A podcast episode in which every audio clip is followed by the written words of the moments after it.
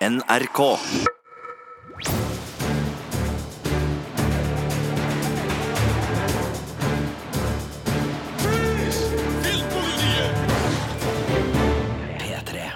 En ny boksefilm fra Rocky-universet er klar for norske kinoer, nemlig Creed 2. Kanskje er det her siste gang Sylvester Stallone spiller Rocky Balboa, den legendariske rollen som sparka i gang karrieren hans på slutten av 1970-tallet. Men hvorfor liker vi Stallone egentlig? Det skal vi diskutere i denne podkasten, og vi, det er meg, Birger Vestmo, og deg? Marte Hedenstad. Det er helt korrekt. det. Eh, Og eh, du, Marte, skal også fortelle oss om en etterlengta andre sesong på TV-skjermen. Å ja da, altså første sesongen vant seks eh, Emmy-priser. Prisen for beste komedie og prisen for beste kvinnelige hovedrolle i en komedie, nemlig The Marvelous Mrs. Maisel, sesong to, ute på strømming nå! Mm. Og så skal vi snakke om hva som skjer når en historie drukner i effekter. Det er nemlig tilfellet med den nye filmen Mortal Engines, som er skrevet og produsert av selveste Peter Jackson og hans samarbeidspartnere fra Ringenes herre og Hobbiten-filmene. Men først i podkasten skal det altså handle om Creed 2 og Sylvester Stallone. Is that what you're trying No. to say? No, that's not what I'm saying. I'm saying I'm not going to be here forever. And what's that supposed to mean? It means you got to do some smart thinking. Oh, you want to talk about smart decisions, Rock? You in this house all alone. Who been taking care of you? Me. I've been here for you. Who else you got? Listen. I'm taking this fight with or without you. Her hørte du Michael B. Jordan i rollen som Adonis Creed og Sylvester Stallone i rollen som Rocky Balboa. Eh, så du den første Creed i 2015, eh, Marte? Nei! Nei, Eh, og- og, og det er sånn eh, Jeg elsker jo alle Rocky-filmene. Ja. Eh, og så hørte jeg jo om eh, den nye Creed, og du ga den ganske bra anmeldelse og alt, Ja, du ikke det? jeg var godt fornøyd med den. Eh, og så ble jo til og med Sylvester Stallone eh, Oscar-nominert!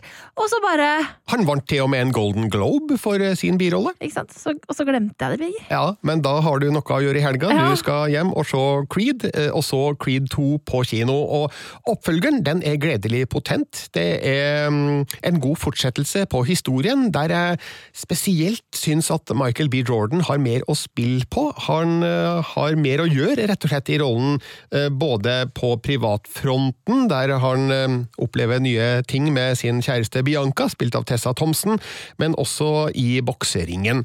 Og for de som har godt kjennskap til Rocky-filmene, så er jo det her en litt morsom story, fordi her møtes altså da Adonis Creed, sønn av Apollo Creed fra Rocky-filmene, Victor Drago, sønn av Ivan Drago fra Rocky 4. Yes! eh, Sønnen til Dolph Lundgren, rett og slett. Ja. Og Ivan Drago var jo en sånn legendarisk eh, motstander eh, back in the day. Ja, altså, jeg så jo Rocky 4 på kino da den kom. Da var jeg 15 år gammel, 14 kanskje.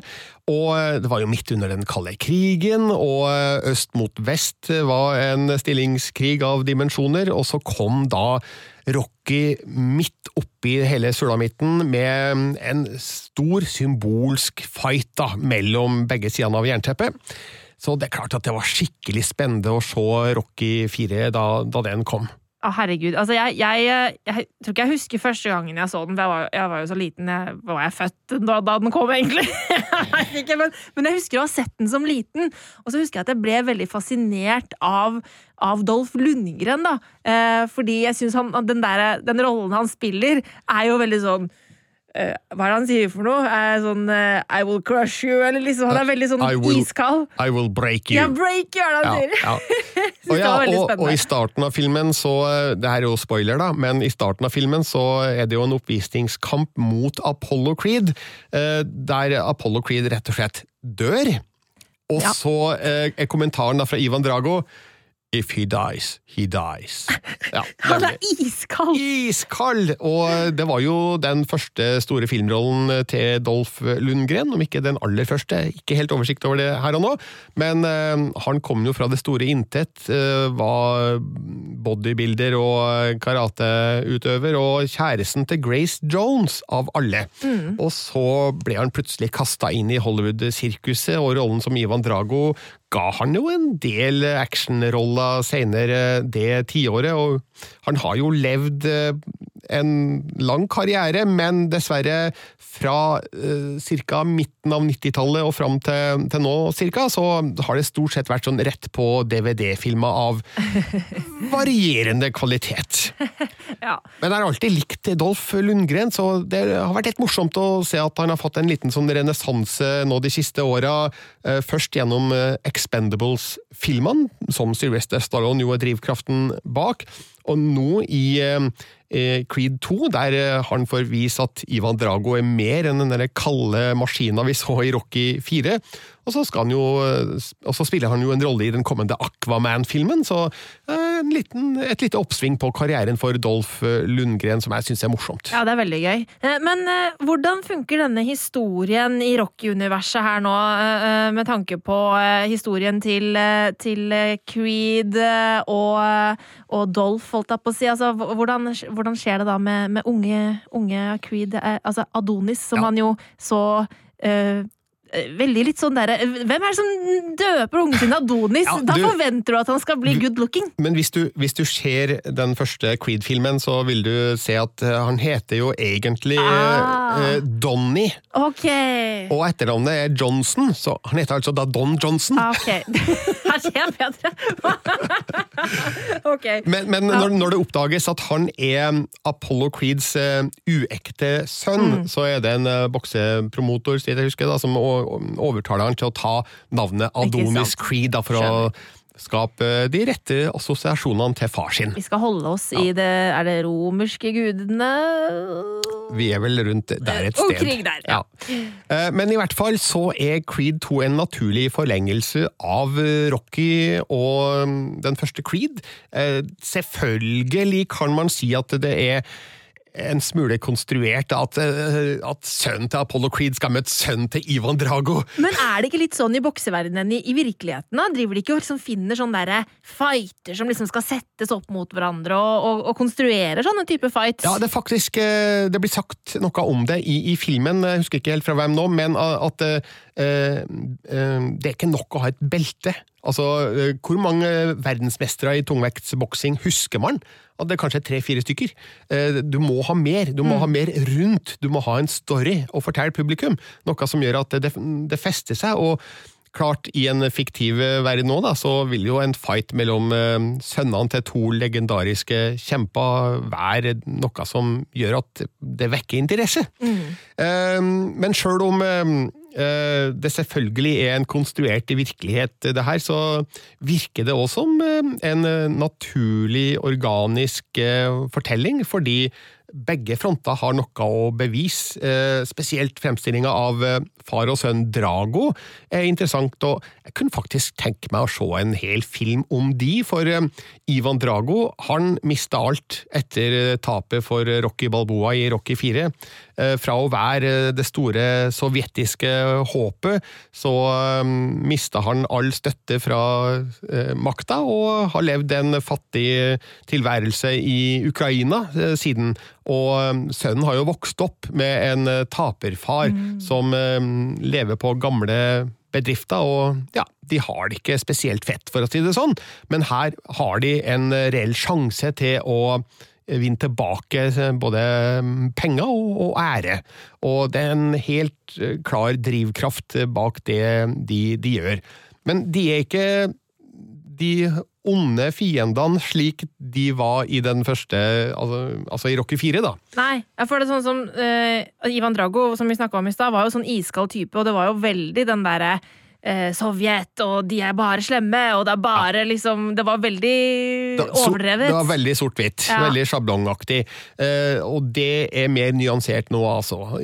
Dolph Lundgren får vise at han er en bedre skuespiller enn vi tror.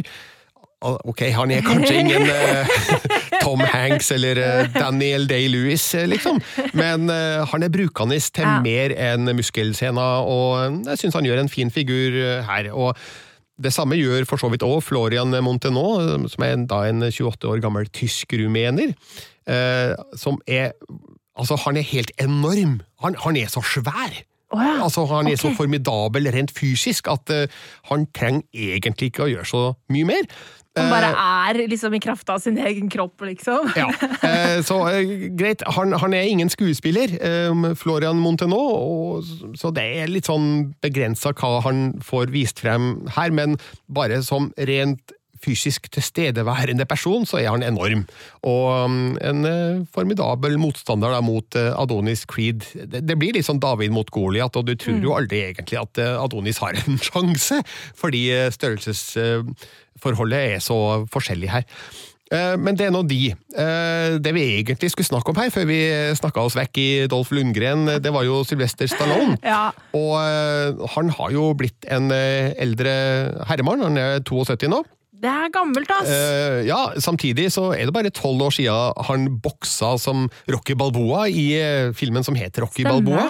Uh, og ja, det var kanskje litt søkt eh, at han skulle gå i ringen i 2006, men eh, filmen var god, den. Eh, og han er fremdeles veldig god i, i rollen som Rocky. og hvis man ikke har sett så mange Rocky-filmer, så har man kanskje bildet av Rocky som den herre flaggveivende amerikaneren som sto opp mot eh, Sovjetunionen i Rocky 4. Men eh, rollen er jo mer nyansert og innholdsrik enn som så. Altså, hvis du husker den første Rocky-filmen, så var jo eh, Rocky var en boms. eh, Som ikke hadde noe særlig framtid, virka det som. Og så fikk en da en sånn random mulighet til å møte den regjerende VM-mesteren. Eh, Apollo Creed, og han tok jo vare på den sjansen. Og så har vi jo sett i flere filmer hvordan eh, Rocky-figuren har utvikla seg, eh, og ble jo etter hvert gjennom kommers, Ja. spesielt da i Rocky 4. Men eh, jeg syns at eh, Sylvester Stallone hele tida har greid å ta vare på Rocky Balboa-figuren som den her nedpå arbeiderklassefyren som eh, er egentlig en stille og rolig kar som ja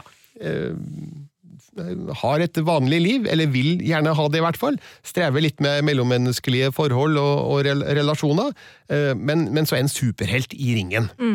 Med vekslende hell der også, da, skal det sies. Jeg kjenner at jeg får lyst til å se de gamle filmene igjen. I hvert fall den første. Ja, den eh, så jeg for et par år siden. Prøvde å vise den frem til mine sønner, men eh, det ble for kjedelig for de. Um, Jeg så den ferdig, og det er jo en eh, engasjerende film. Den er veldig effektiv på eh, det emosjonelle, og så er den jo meddrivende også på det sportslige. Selv om eh, du ser en veldig stor forskjell mellom boksescenene fra 1976 og boksescenene i Creed 2 nå. Ja. Eh, Det er et helt annet driv nå, eh, men eh, klart som, som Hvis man er boksekyndig, så vil man jo se at det ikke er spesielt realistisk det man driver på med her, og, men sånn er det i de fleste boksefilmer, og jeg tror at det nesten må være sånn da for å for å tilfredsstille et eh, publikum som eh, har visse forventninger da, når man skal se en boksefight på kino. Det, det må være litt stort og Ja. litt, litt, litt, litt større enn vanlig. Litt mer, eh, mer action, rett og slett, og litt mer punch, bokstavelig talt, og det er det jo her òg. Men jeg syns at Stallone gjør Rocky på en veldig god og troverdig måte her nå. Han er jo en aldrende mann, og han eh, har visse motforestillinger mot at eh, hans eh, i hermetegn nevø skal, skal møte Victor Drago. Han mener at det er en kamp som er stelt i stand på feil vis, med, med feil forutsetninger, og er ikke helt fornøyd med motivasjonen bak. Og jeg skal ikke avsløre noe om hva som skjer i, i filmen, men eh, ja, det, det blir en fight. det blir det. Men noe annet hadde kanskje vært veldig, veldig, veldig rart. Det hadde vært eh, en enorm nedtur hvis ikke det hadde blitt noe av eh, boksekampen. Så eh, det er kanskje siste gang vi får se Sylvester Stallone som Rocky Balboa. Han har i hvert fall indikert det sjøl på sin Instagram konto. Eh, Men eh, så har Dolph Lundgren sagt i et intervju at eh, han ikke helt tror på det, at han har hørt det samme før. Men så har jo Stallone vist seg å komme tilbake gang på gang, og hvis det skal lages flere Creed-filmer, så vil det jo være litt merkelig om ikke Rocky Balboa skal være med Ja. på et eller annet vis. Og vil han klare å holde seg unna hvis det plutselig kommer enda en Creed-film? Han kommer jo ikke til å klare det. Det tror jeg ikke noe på. Nei, det, det tror heller ikke jeg, men øhm, vel, ifølge Stallone sjøl så kan det være han, hans last ride, så vi får nå, vi får nå se. Men it ain't over till it's over, for å si det sånn. Eh, det er ingenting som tyder på at eh, Sylvester Stallone er i ferd med å gi seg ennå, for han har jo flere prosjekter på vei. Må bare bla i papirene mine her nå. Han, han er jo i ferd med å slippe en ny Escape Plan-film, den, den tredje faktisk. Eh, også en i innspillinga nå av Rambo 5, Last Blood. Og så har nå en film på gang som eh, har fått tittelen Street Justice. Altså, unnskyld meg, Rambo 5 Last Blood? Ja, det er riktig. What?! Ja. Det har Eh, ikke jeg hørt om engang. Ok, men, men eh, vil vi ha det, liksom? Vil vi ha en til Ja, Det høres ut som den siste Rambo-filmen, da. Er det nødvendig? Du, jeg har jo stilt det samme spørsmålet på flere av Sylvester Stallones eh, oppfølgerfilmer. Vil vi ha mer? Altså, ville vi ha John Rambo da den kom i var det 2008? Eh, og svaret på det, etter å ha sett den, var jo et rungende visst faen. Den var jo råtøff! Og, og, og ville, vi, ville vi ha eh, to nye Expendables-filmer? Eh, svaret på den eh, andre var ja visst vil vi det! Og så er jeg litt mer usikker på The Expendables 3, da. Okay. Men uh, eh, han har jo vist seg å ha stayerevne helt siden uh, han slo igjennom med den første Rocky-filmen. Den fikk jo da altså flere oppfølgere, altså Rocky 2 i 1979, Rocky 3 i 82, og så kom um, eh, Rocky 4 i 1985. Det var året jeg ble født, ja. Altså, det var da du ble født. Mm. Altså, du så ikke den på kino? Nei, jeg gjorde ikke det. Nei, og så Rocky 5 da, i 1990, uh, før den siste Rocky Balboa, som den het, kom i 2006. Så det er et uh, ganske heftig spenn der da, Ja. uh, på de Rocky-filmene. Eh, det er jo ikke den eneste filmserien eh, Stallone har hatt suksess med, selvfølgelig. Eh, Den andre og kanskje mest kjente er jo Rambo-serien, som starta med First Blood i 1982. Og så kom eh, Rambo First Blood Part 2 i 1985, som eh, var egentlig ganske forskjellig fra den første. For mens eh, First Blood var et sterkt drama, eh, så er jo Rambo First Blood Part 2 eh, en ren sånn kommersk krigsfilm. Og det er vel det den eh, nye Ramboen som kom eh, for noen år siden også, er vel ikke akkurat et uh, sterkt drama. Nei, det er en ekstremt blodig krigsfilm, der eh, jeg har sjelden sett så mye blod og vold i en film som i den. Eh, Han, han eh, regisserte jo den sjøl, Sylvester Stallone. Han er en dyktigere regissør enn man kanskje tror han er, eh, men voldsmengden i eh, John Rambo, den var den var ekstrem, så jeg er litt spent på hva som eh, skjer nå da i eh, Rambo 5 Last Blood, som er altså under innspilling nå. Eh, Der er det jo meksikanske narkokartell som er motstanderen, og man vet jo at der, Der går det for seg. Ja, mm. Der går det for seg, så litt nesten, nesten litt skeptisk på hvor mye vold Stallone har tenkt å putte inn i den siste Rambo-filmen, da, som altså har undertittelen Last Blood, og da ser man jo for seg at det er den aller siste Rambo-filmen, da.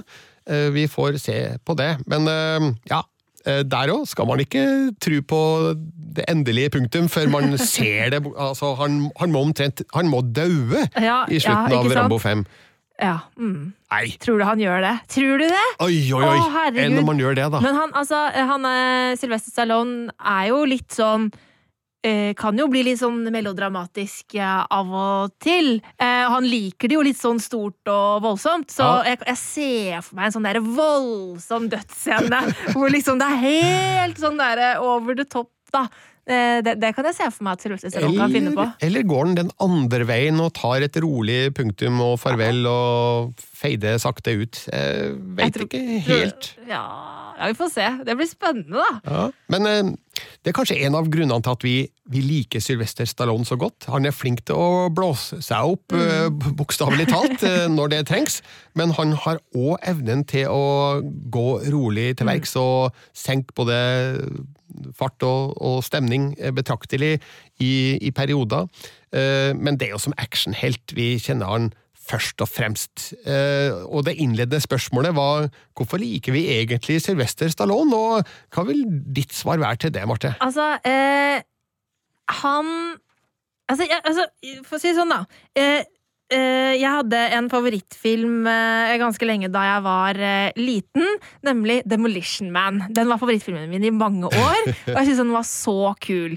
Eh, Sylvester Stallone blir fryst ned. Eh, han blir tint opp igjen mange år senere for å ta seg av en eh, skikkelig badass skurk som da har rømt, som også er fra hans tid. Den er veldig artig, Eh, og der klarer han jo å kombinere den derre det derre glimtet i øyet og den derre Han har jo litt sånn komisk timing også. Eh, sam, sammen med selvironi. Det er noe, han har noe selvironi òg. Og så er han så er han jo en overraskende god skuespiller når man ser på for eksempel sånn som vi har nevnt Rocky eh, og de mer nedtona tingene han har gjort. Så det, det er veldig fascinerende, egentlig. Han har eh, han gjør så mye forskjellig. Mm.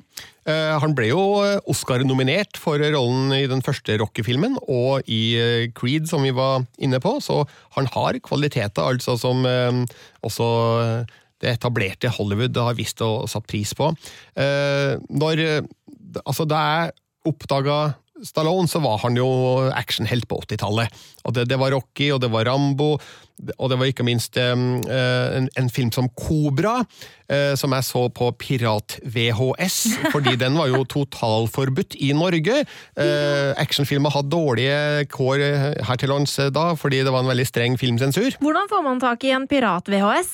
Nei, Det fikk man tak i via kamerater som hadde storebrødre eh, som på FN-tjeneste i Libanon. Å, dæven, det var såpass eh, man måtte gå til verks, ja. Ok. Ja, nemlig. Ja, okay. Ja, eh, og på 80-tallet så eh, var han jo også involvert i filmer som eh, håndbakfilmen Over the Top. Eh, fengselsfilmen Lock Up. Og så den fabelaktige, men feilslåtte actionkomedien Tango and Cash, der han spilte mot Kurt Russell. Eh, som var en ekstremt dyr film som floppa på kino i 1989, men hvis du ser den i, nå i dag, umulig å ikke la seg underholde av, eh, av skikkelig god gammeldags 80-talls eh, Stallone. Så hadde han jo et lite intermesso helt på starten av 1990-tallet, der han prøvde å gjøre det samme som Arnold Schwarzenegger, nemlig å bli komiker.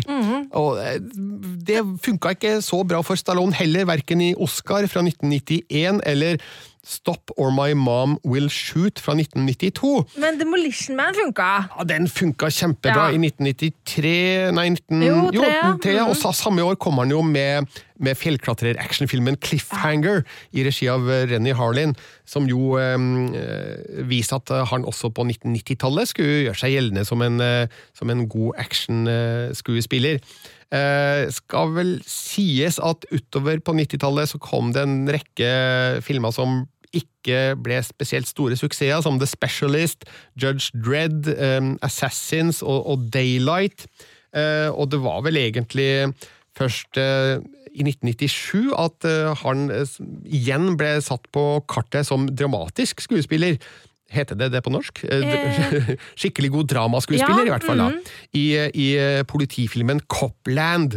Eh, og så eh, var det på eh, midten av 2000-tallet at han innså at han var nødt til å kanskje gjenopplive noen gamle helter for å få ekstra fart på karri- karrieren igjen, og da fikk vi da Rocky Balboa i 2006 og, Rambo i 2008, før han jo kom på den glitrende glitrende ideen om å samle alle de andre gamle 80-talls-actionheltene i The Expendables i 2010. Ja, for det er hans prosjekt, liksom. De, de Expendables-filmene.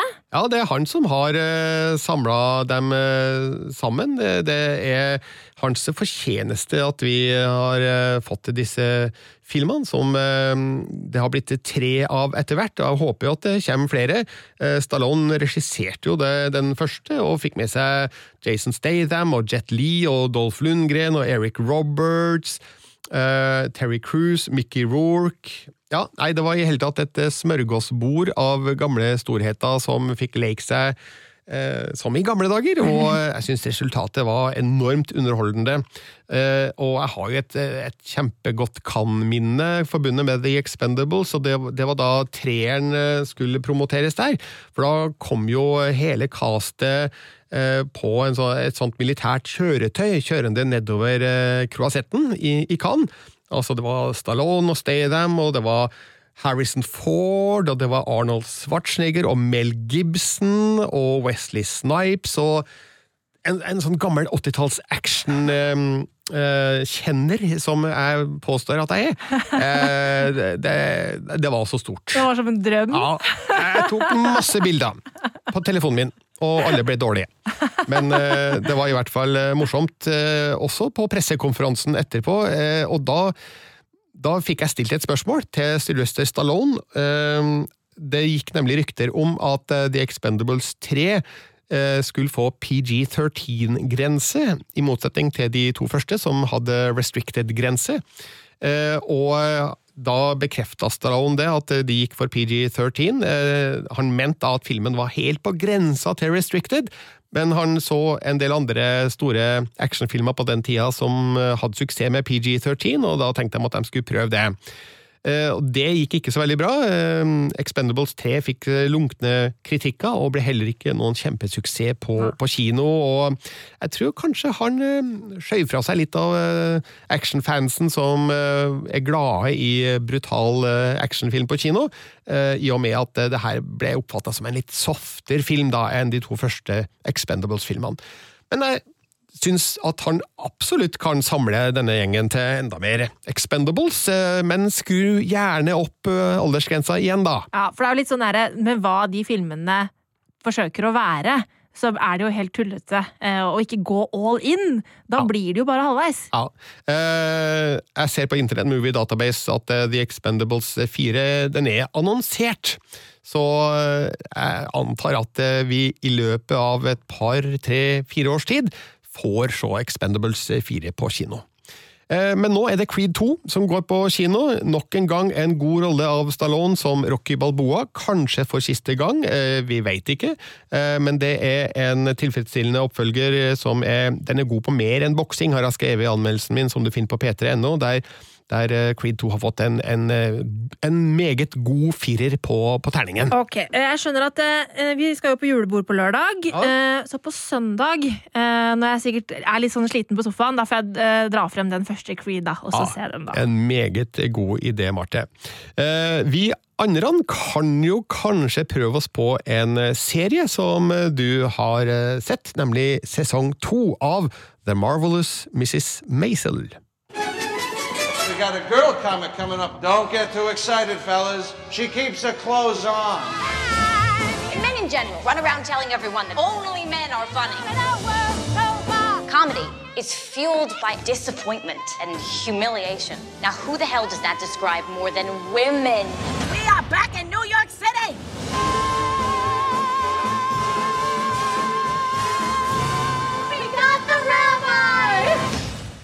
The Marvelous Mrs. Maisel går på Amazon. Yes, Amazon Prime Video, hele sesongen er ute nå. Eh, hvis ikke du har sett eh, Marvelous Mrs. Maisel, så anbefaler jeg det. Altså, eh, det var en serie som gikk litt under radaren for en del da den kom i fjor. Eh, og så vant den jo plutselig en hel haug med priser, eh, og da begynte folk å få litt eh, øynene opp for den igjen. For de som ikke har sett den første sesongen av The Marvelous Mrs. Maisel, eh, nevner ingen navn, men noen befinner seg i dette studioet. Ja. Eh, hva handler det her om? Altså, vi eh, skal til New York eh, på slutten av 50-tallet. Eh, der møter vi Rachel Brosnahan, skuespilleren, i rollen som da Miriam, aka Midge Maisel. Hun er gift, har to barn, og en dag så finner hun ut at mannen hennes har vært utro med sekretæren. Og da er det liksom der er i et middagsselskap, hun drikker seg drita, ramler utpå pub, og så griper hun mikrofonen på en sånn skikkelig brun bar eh, og, og ranter om hvor forbanna hun er på mannen sin. Og da blir hun da oppdaget som et, eh, som et komikertalent. Eh, og det er jo da i sesong én, hvor vi da på en måte får se Midge sin sånn liksom inntog da inn i eh, standup-scenen på slutten av 50-tallet. Um, og i sesong to så har hun bestemt seg for at vet du hva, det her er det jeg vil bli. Jeg vil bli standup-komiker og satse på det. Uh, men hun er jo fra en eh, rik jødisk familie på Upper West Side, uh, sånn at det er jo ikke akkurat akseptabelt. Så hun må skjule det for familien. Em, ja, og så handler det da litt mer om på en måte hvordan hun prøver å etablere seg i denne mannsdominerte verdenen, da. Eh, og det er jo bare rett og slett dritartig. Ja. Mm. Eh, men altså, hvordan er det å være kvinnelig komiker i en mannsdominert verden Eh, på slutten av 50-tallet? Ingen har jo trua på at hun er morsom. Hun blir alltid nedprioritert. Eh, Hun blir alltid utsatt og utsatt og utsatt. Ikke sant? På sånne, det, er, det er et sett med komikere som skal komme og ha en kveld, for eksempel. Eh, Og så blir hun alltid forskjøvet, forskjøvet, forskjøvet helt til sist. Eh, Det er alltid liksom Ingen vil ha noe med henne å gjøre. Hun må stadig liksom virkelig bevise hvor god hun er, for hun er jo dritgod. Um, og, så det er jo da problemet, eh, men det fører også til mye morsomme hendelser, da, fordi at hun er utrolig flink til å uh, improvisere og spille på det som har hendt henne, og bruke det i settene sine. Men blir du sint av å se denne diskrimineringa? Nei, nei, det er ikke Det er, ikke, det er, ikke, det er en liten sånn der feminist-knyttneve i Marvelous Mrs. Maisel, men jeg blir heller mer på en måte gira av hvor bra hun blir, da. Eh, Sånn at det er et litt mer sånn ha-ha! eh, Fuck you! Så det, man blir ikke provosert på den måten. Det blir mer sånn der at man eh, liksom heier på henne isteden, da. Um, men det er en utrolig artig serie, og um, og så har hun et veldig fint sånt rollegalleri rundt seg. Hun bor jo hjemme hos foreldrene sine, som tar vare på barna hennes etter at hun jo da er i separasjon. Og, og mannen hennes, Joel, får også litt mer å spille på i denne sesongen. For i den første sesongen så handla det veldig mye bare om Maisel, mens nå så er det en del sånne fine historielinjer eh, som ikke handler om henne, eh, men som også er veldig underholdende. Eh, Vi skal blant annet en tur til Paris, eh, hvor moren hennes liksom rømmer fordi hun er så drittlei av faren. Ja, det, og så de drar på ferie. Altså, det er, altså, det er en sånn drømmeverden vi lever i. Da. Alt er veldig sånn rosenrødt, selv om de har sine problemer. Eh, Det er veldig mye rikmannsproblemer, og det er veldig sånn kontrast eh, mellom eh, Midge og hennes manager, for eksempel, eh, spilt av Alex Borstein, som er skikkelig fattig og strever for å få endene til å møtes. Da. Også den kontrasten mellom det rike miljøet hun er i, og bare vanlige folk, eh, er, er ganske morsom. Um, og Nei, altså Altså, Jeg trives veldig godt i den serien her, og det er nesten litt sånn vanskelig å forklare hvorfor den er så bra, fordi det er bare en sånn derre Du bare koser deg. Eh, og jeg har jo den eh, anmeldelsen min, da, eh, som ligger ute på p3.no, den er basert på de fem første episodene i sesongen, men i går så eh, Jeg forsov meg i dag, eh, fordi at jeg ble sittende opp og se de resterende episodene Ja, til klokka to i natt. akkurat. Du jobba altså? Ja, det var jeg var på jobb, selvfølgelig. Altså, eh, og, og da merka jeg at eh, sånn som mannen min, han var sånn Liksom ble litt sånn eh, Hovra litt sånn rundt og liksom sånn Ja, hva er det du ser på? Og så liksom ble litt sittende på sofaen og eh, synes liksom For det er sånn det, Du blir liksom sugd inn i det miljøet her. Du blir sugd inn i den derre sjarmen eh, av rollefigurene. Um, det er jo skaperen av Gilmore Girls som har uh, lagd det her. Um, Amy Sherman Palladino. Sånn at du må jo tåle folk som snakker veldig mye, og folk som liksom snakker i kjeften på hverandre og er litt sånn irriterende mot hverandre. Uh, så det, det er veldig fascinerende, fordi at disse rollefigurene er jo ikke sjarmerende, egentlig. De er jo veldig irriterende. Men så er det en sånn, et sånt lag av liksom likandeshet som likevel ligger utenpå det. Da, sånn at du tilgir dem alle disse dumme tingene de gjør, fordi at det er rett og slett så trivelig. Eh, altså, koselig, trivelig. Mm. Er det litt sånn 50-tallsnostalgi inni bildet her? Ja, det er det absolutt. Eh, og um, det er vel ikke um, eh, Hvis vi sammenligner med Mad Men, da, Ja. eh, så er jo Mad Men veldig mye mer realistisk i hvordan I tidskoloritten, for eksempel. Eh, fordi det er veldig sånn vakkert, pent og drømmende og rosenrødt, det bildet vi får av 50-tallet. Eh, til tross for eh, liksom den kvinneundertrykkende delen, så er det veldig sånn alt er fint og koselig og hele den pakka der. Eh, men når det gjelder klærne, så er det jo bare en, en drøm å se på. Eh, og folk som er interessert i mote fra 50-tallet, og musikk, de, de må jo bare se den serien her. Eh, det er så mye fine kostymer, og Midge har jo aldri på seg de samme klærne. Så hun, er jo, hun har jo et skap som er vanvittig svært, og det er så mye gøy å, å bare se på. Um, samtidig som det er veldig mye kul, kul jazz, uh, kul Broadway-musikk. Det er ah, det, er, det er skikkelig sånn deilig nostalgisk på den måten. Mm. Eh, du sier at det er morsomt. Eh, gjelder det da scenene der eh, Midge er på scenen, eh, eller er det en komedie også ellers? Det er en komedie også ellers. Eh, så hun, hun er jo kjapp i replikken hele tiden, ikke sant? Eh, og hun, hun er jo veldig rar, Midge. Eh, så hun sier jo de sprøeste ting som blir veldig morsomt. Eh, samtidig så har også Rachel Brosnahan evnen til å eh, la, skape sårhet eh, i eh, det humoristiske.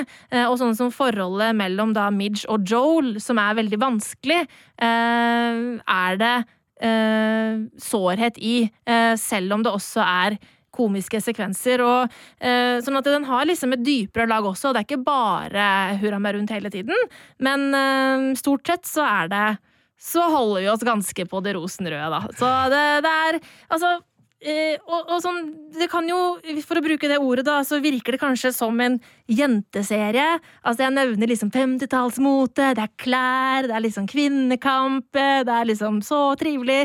Men eh, som sagt, eh, eh, mannen min han var veldig interessert og ble stående og se på, humra, lo masse. Så det her er ikke bare en jenteserie. Nei, Hadde jeg sagt det, så hadde du gitt meg en overhaling, sant? Da hadde jeg gitt deg en overhaling. Ja, ja. Men du har lov til å kalle det det. Jeg har lov til å kalle det. Ja, ja. Eh, Og du har gitt uh, sesong to av The Marvelous Mrs. Maisel terningkast fem. Yes. Og uh, serien kan du se på Amazon Prime.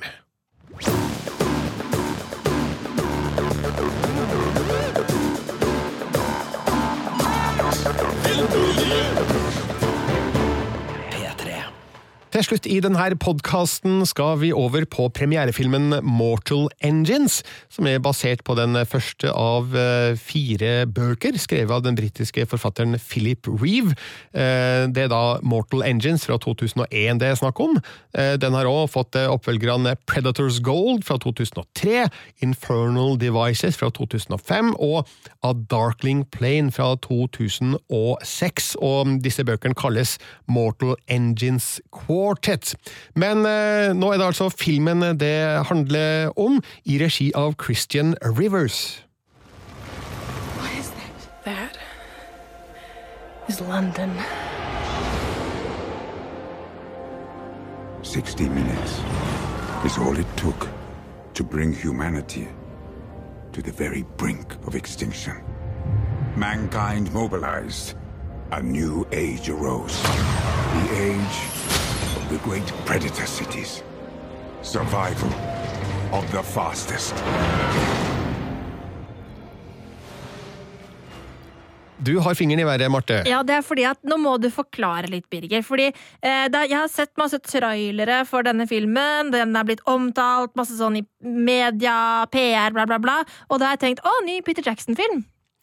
Ja, eh, det er jo for så vidt riktig, for Peter Jackson er en av manusforfatterne og produsentene av Mortal Engines, eh, sammen da med Fran Walsh og Philippa Boyens, og eh, det her er jo velkjente navn for Ringenes herre-fans, Oh, yes. som du er en av, Marte. Ja, ja, ja. Det her er jo gjengen som har jobb, jobba sammen i årevis på, på Lotter og også Hobbiten. Ja, og King Kong også. Mm.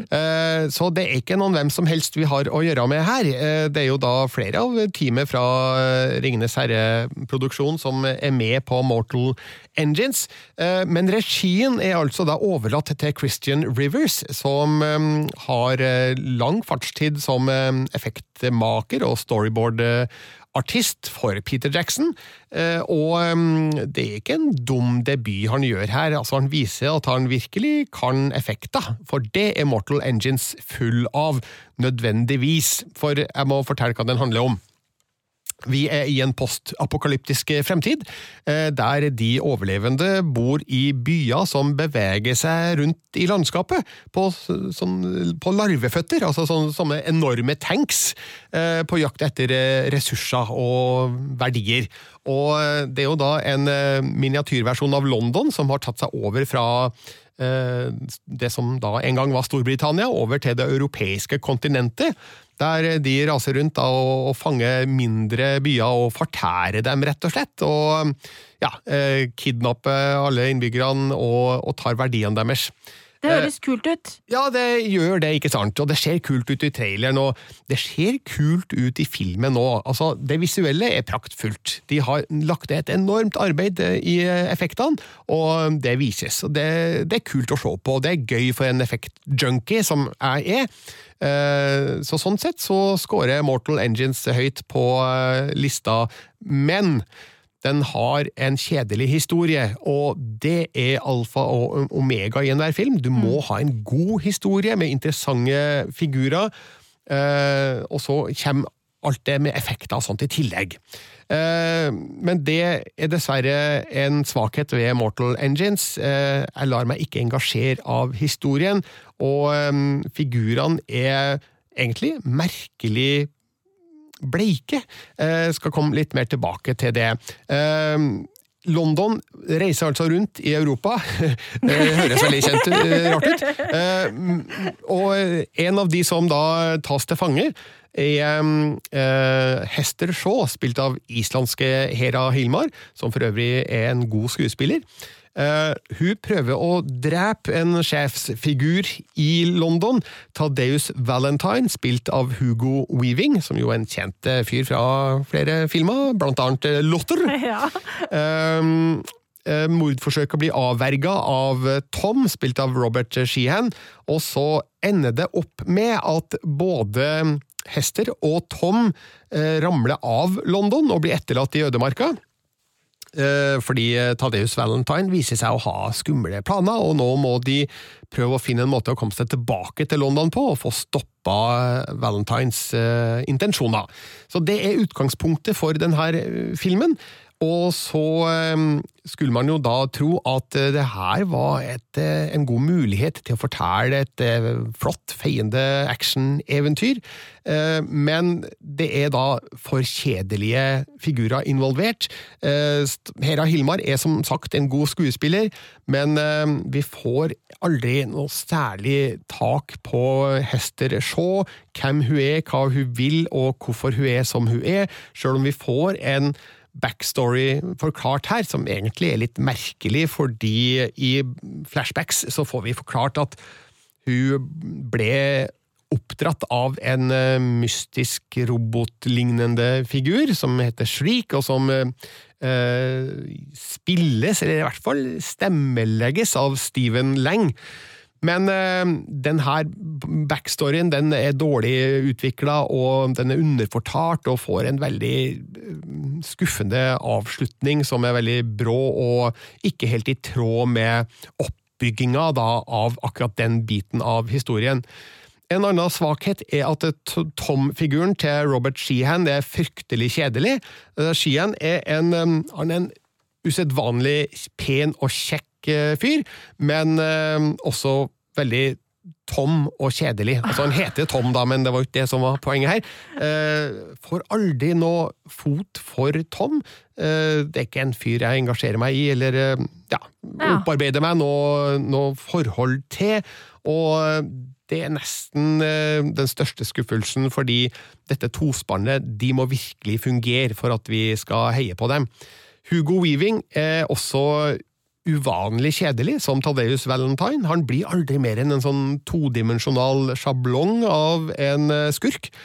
Som eh, ikke får nok å spille på. Og så er det flere andre bifigurer som virker unødvendige, og som er glatte, og ja, også de kjedelige. Så kjedelige er et eh, ord jeg returnerer til her. Det er eh, det verste. Altså, det er jo døden. Det er jo på en måte det, det ordet som er eh, det verste man kan beskrive en sånn underholdningsfilm Så jeg, med. jeg spør meg, Hvorfor skal jeg bry meg om disse folka? Hvorfor er det ikke mer, eh, mer fart og spenning og liv i relasjonene mellom de? Og eh, dialogen, hvorfor ikke den, har ikke den mer snert og, og humor? Og det her trodde jeg jo at Peter Jackson og co. skulle ha godt tak på. Det har de i hvert fall vist før. Ja, det, det, er veldig overraskende at det, at det er såpass dårlig, ja. Det er et team som har jobba sammen i så mange år og levert så mye utrolig kult før. Så, så merkelig. Men- eh, jeg har ikke lest bøkene, men de burde jo uansett hva utgangspunktet var, så burde de jo ha klart å lage rollefigurer som engasjerer. En eh, teori her da kan jo være at regissøren eh, Christian Rivers eh, han har bedre tak på å regissere effekter enn han har på å regissere folk. For eh, det første har han gjort eh, i hvert fall delvis eh, tidligere, men å regissere folk det har han ikke så mye erfaring fra. Så kanskje er det det er en medvirkende årsak i hvert fall da, til at eh, persongalleriet ikke svinger helt som det burde. Men eh, det er altså ikke helt totalt bortkasta å se Mortal Engines eh, hvis eh, man er ute etter å se en, et, en pen film, et pent eventyr med fantastiske effekter. Altså, de er veldig gode, altså det, det skal understrekes. Men det er skuffende da at altså, Ringenes herre-folka ikke har greid å lage noe bedre ut ifra råmaterialet de har hatt. Bøkene til Philip Reeve eh, de er populære, og det har blitt laga fire av dem, og det tyder jo på at eh, de har et eh, publikum. Men eh, sånn som det er nå, så tviler jeg egentlig på at vi får noe særlig mer enn én film av eh, det her universet. For eh, Mortal Engines den er rett og slett ikke god nok da, til å kunne hevde seg og til å, til å bli en publikumssuksess. Altså, jeg spår at um, Wingnut eh, Films, eh, filmselskapet til Jackson og co., eh, kommer til å gå på en liten smell her. At eh, de ikke får tjent inn alt det som det må ha kosta Ja, å for å den produsere filmen. ser jo så dyr ut, og, og, og sånne typer spesialeffekter, det, det koster mye spenn, liksom. Ja, det gjør det. Altså, her har de digitale artistene deres eh, Jeg vet ikke om det heter det på norsk, men de, de digitale effektmakerne har Ja. virkelig nedlagt et enormt arbeid, og det er jo en prestasjon i seg sjøl. Så er det bare da så inderlig synd at historien som fortelles, eh, på ingen måte står i stil med det visuelle uttrykket da til Mortal Engines. Derfor har jeg gitt terningkast eh, tre, og det er, det er mest av effektene, altså. Så eh, det, ingen dør av å se Mortal Engines, men du kommer til å kjede deg litt, altså. Det er eh, dessverre ikke godt nok til å hevde seg helt opp i toppen, så dermed er du advart. Du kan lese hele anmeldelsen på p3.no slash filmpolitiet, og så gjøre opp en mening om du skal gidde å gå på det her.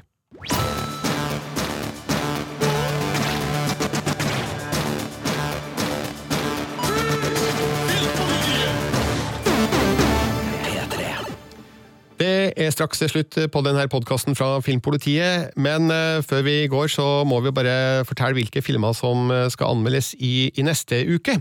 Eh, og den første som jeg må nevne, det, det er den merkeligste premieren. Altså Once Upon a, Once Upon a Deadpool. Ja. Altså, eh, det her er en, en, en ny versjon av Deadpool 2 med lavere aldersgrense. Ja, og, og jeg, skjønner ikke helt så må, Men så har de vel spilt inn noen nye greier og putta inn der også? Ja, de, har de har eh, fått med seg Fred Savage, eh, som er kanskje er mest kjent, i hvert fall for litt eldre podkastlyttere, som eh, Kevin i den fantastiske TV-serien The Wonder Years.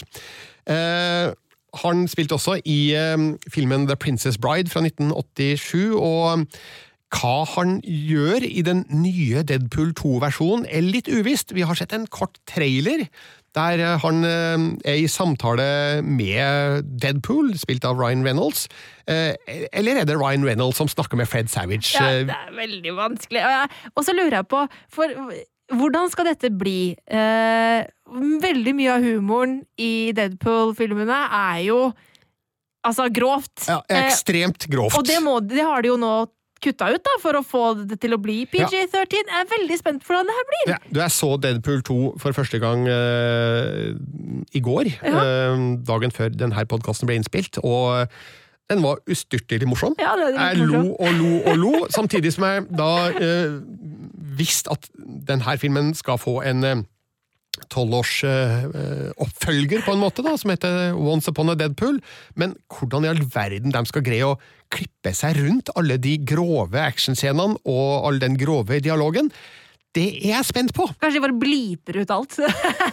Ja, og, men, og hvilken rolle er det Fred Savage plutselig skal spille inn i det her? Eh, Veldig vanskelig å forutse hva det her er for noe, men eh, den har altså tolvårsgrense, og den er 1 time og 57 minutter lang, og eh, det er mulig at de har greid å beholde mesteparten av filmen, men eh, jeg er veldig usikker på hvordan de eh, har tatt grep her for å få ned aldersgrensa fra 15 til 12, eller fra restricted til PG-13 da i, i USA. Eh, Den andre premieren neste uke er Crazy Rich Asians, som er en eh, romantisk eh, komedie med kun asiatiske rollefigurer, som er det er vel første gang det har skjedd i Hollywood.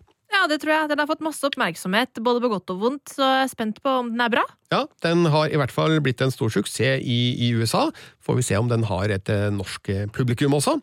Og så er det jo da ikke minst den nye Spiderman-filmen som har premiere da neste uke, og som er animert og heter Into the Spider-Verse. Hvilke forventninger har du til den, Marte? Um, jeg så en trailer. Jeg synes det så trivelig ut. Ja, det ser jo faktisk uh, veldig bra ut, syns jeg, da.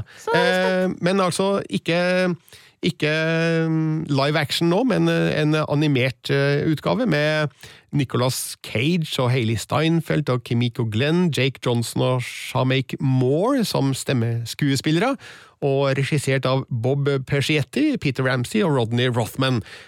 Aner ikke hvem noen av de er, men jeg skulle bare brife med at jeg kun navnene på At du kan lese ting på Ja. internett. Men eh, manuset er jo skrevet av Phil Lord, så eh, her har jeg forhåpninger til at Spiderman Into the Spider-Verse kan være morsomt, altså.